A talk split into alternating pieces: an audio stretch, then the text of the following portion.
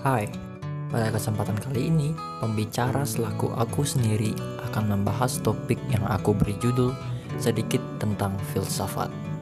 Filsafat yang akan aku bahas berupa hal-hal yang mendasar saja. Hal-hal yang secara seluruhan diperuntukkan untuk orang awam atau orang yang masih mau belajar. Jika kalian ingin mengenal filsafat lebih dalam, saya persilahkan untuk mencari artikel atau buku yang telah terbit sebelumnya. Terima kasih dan selamat mendengarkan.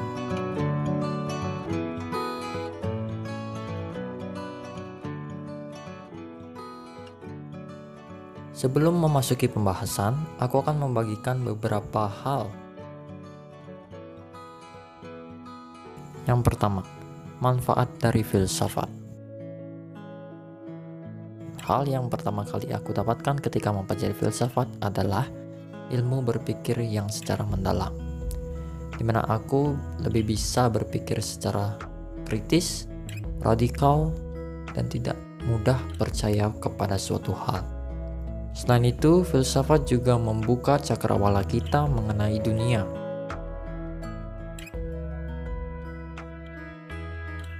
Kedua, filsafat dapat membuat kita menjadi ateisme. Berdasarkan pengalamanku, aku pernah memasuki konsep atau aliran ateisme ini. Karena waktu itu diriku cenderung mempelajari filsafat barat yang pada hakikatnya membahas hal-hal yang bersifat humaniora atau sosial dan kurang menaruh perhatian pada konsep-konsep teologi atau religius atau konsep-konsep Tuhan. Banyaknya filsuf barat yang menganut paham ateisme juga menjadi faktor kenapa aku memasuki konsep ateisme. Namun seiring berjalannya waktu, aku juga mengimbanginya dengan mempelajari safisme atau dikenal sebagai filsafat timur. Dan dengan itu aku kembali menyadari akan keberadaan Tuhan Ateisme sendiri bukanlah sebuah paham yang buruk. Paham ini juga membantuku untuk memberikan pandangan mengenai suatu persoalan tanpa harus menyangkut konsep Tuhan atau teologi. Juga, ateisme ini memberikan pandanganku terhadap agama, Tuhan, dewa, dan lain sebagainya yang bersifat religius.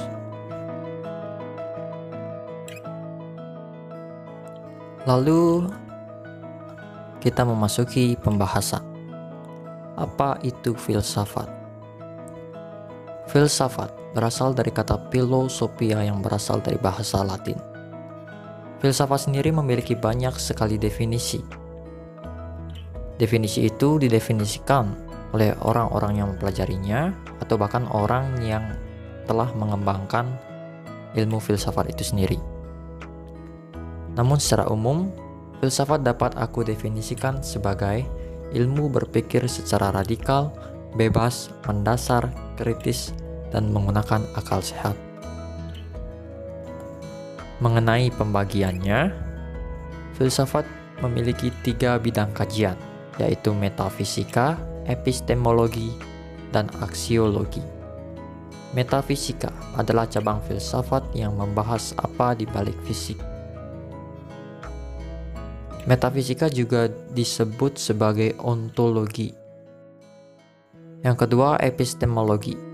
Epistemologi adalah cabang filsafat yang membahas apa itu pengetahuan atau disebut sebagai theory of knowledge.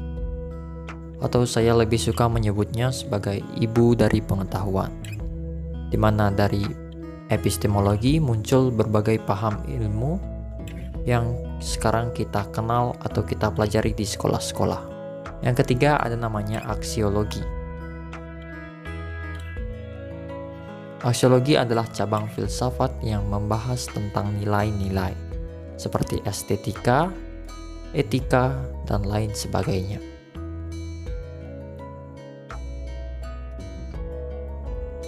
Dilihat dari sejarahnya, filsafat dibagi menjadi beberapa periode yaitu periode Yunani kuno, periode pertengahan, periode modern, dan postmodern. Pada masing-masing periode ini tentunya memiliki ciri khasnya tersendiri. Mari kita simak satu persatu. Filsafat lahir pada zaman Yunani kuno, di mana pada zaman itu salah satu filsuf bernama Thales mengatakan bahwa segalanya berasal dari air. Lalu karena itu ia disebut sebagai bapak filsafat Yunani kuno karena ia memberikan pandangannya atau lebih dikenal ia berfilsafat tentang alam. Berbagai filsuf pun mengemukakan pikirannya, mulai mengenai alam serta kehidupan di sekitarnya. Banyak filsuf beserta teori-teorinya lahir pada zaman Yunani kuno.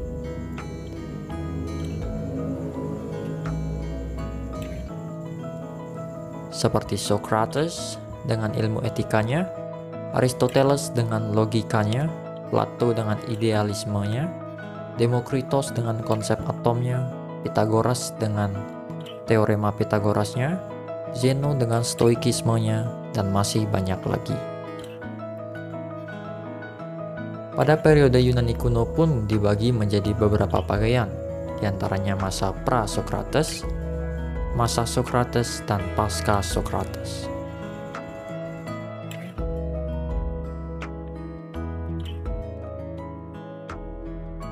Lalu selanjutnya filsafat memasuki periode pertengahan.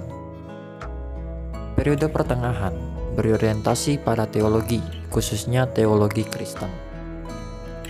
Beberapa dari filsuf yang terkenal pada zaman pertengahan adalah Agustinus, Roger Bacon, dan Thomas Aquinas. Adapun periode pertengahan dibagi menjadi masa patristik dan masa skolastik. Masa patristik berarti pastor di gereja, atau di mana masa filsafat mengabdi pada teologi yang berasal dari pastor-pastor di gereja. Tokoh penting pada masa patristik ini adalah Agustinus. Yang kedua adalah masa skolastik. Masa skolastik merupakan masa di mana filsafat mengabdi pada teologi yang diusahakan melewati sekolah-sekolah. Salah satu tokoh penting pada masa skolastik yaitu adalah Thomas Aquinas, di mana ia mulai mengkaitkan filsafat Yunani kuno dengan doktrin-doktrin Kristen. Masa pertengahan berakhir lalu filsafat berpindah ke masa modern atau dikenal sebagai modern philosophy.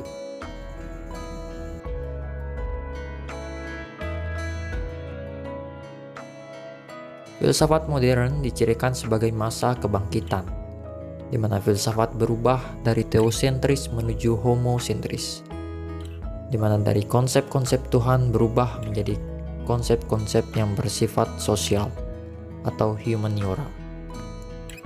Lalu pada filsafat modern, perkembangan ilmu pengetahuan menjadi pesat, yang disertai dengan revolusi industri pada masa itu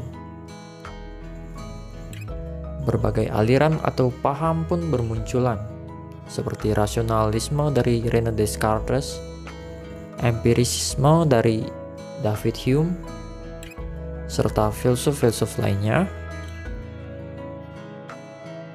Paham-paham yang bermunculan memberikan perspektifnya masing-masing terhadap dunia sekitar. Berlanjut ke filsafat postmodern. Postmodern dikenal sebagai kelanjutan dari filsafat modern atau setelah modern. Ada beberapa poin penting dalam filsafat kontemporer atau disebut postmodernisme.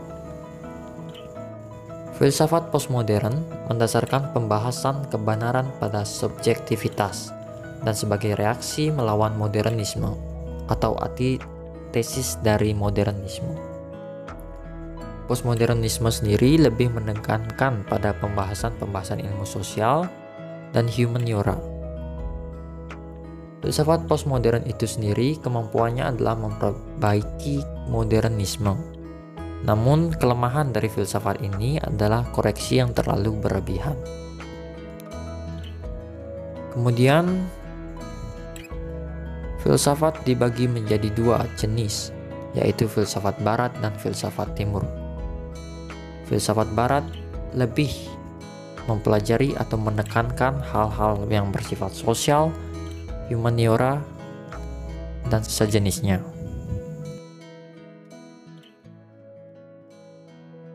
Kemudian filsafat dibagi menjadi dua, yaitu filsafat barat dan filsafat timur. Filsafat barat identik dengan pembahasan humanisme, ilmu-ilmu sosial, dan lain sebagainya yang berkaitan dengan kehidupan manusia. Lalu filsafat timur berkaitan dengan hal-hal yang bersifat religius, teologi, ataupun hal-hal yang menyangkut tentang Tuhan.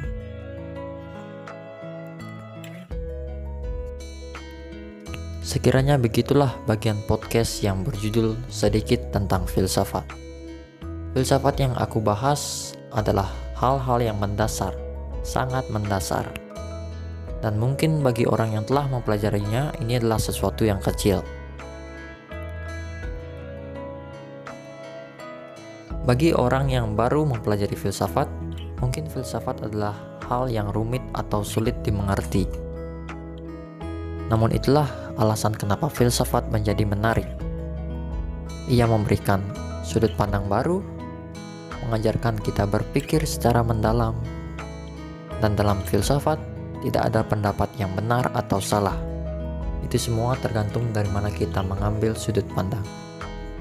Sekian dari saya, Terima kasih.